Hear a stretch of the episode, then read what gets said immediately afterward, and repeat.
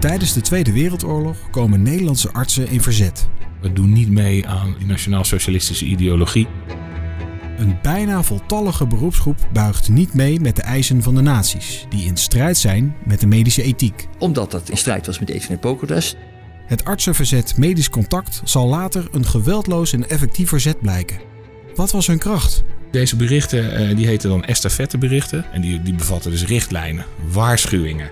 Waarom waren zij, ondanks gevangenneming van bijna 300 artsen in hoofdzakelijk kamp Amersfoort, succesvol?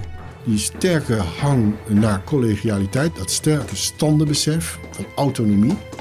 Welke artsen deden wel mee met de bezetter? Zeer ruw en vreed in de omgang. Hij sloeg ze ook, zonder verdoving, kiezen trok eh, en een keer ook een stuk van een kaakbot meenam. In de podcast Oorlogswond reconstrueren we het geslaagde verzet onder artsen gedurende de Tweede Wereldoorlog. En praten we met nabestaanden over hun voorvaderen. De hele geschiedenis van de oorlog is grotendeels verzwegen vanwege ja, hoe pijnlijk het was. Beluister de podcast vanaf 1 mei in je favoriete podcast app. Abonneer je nu.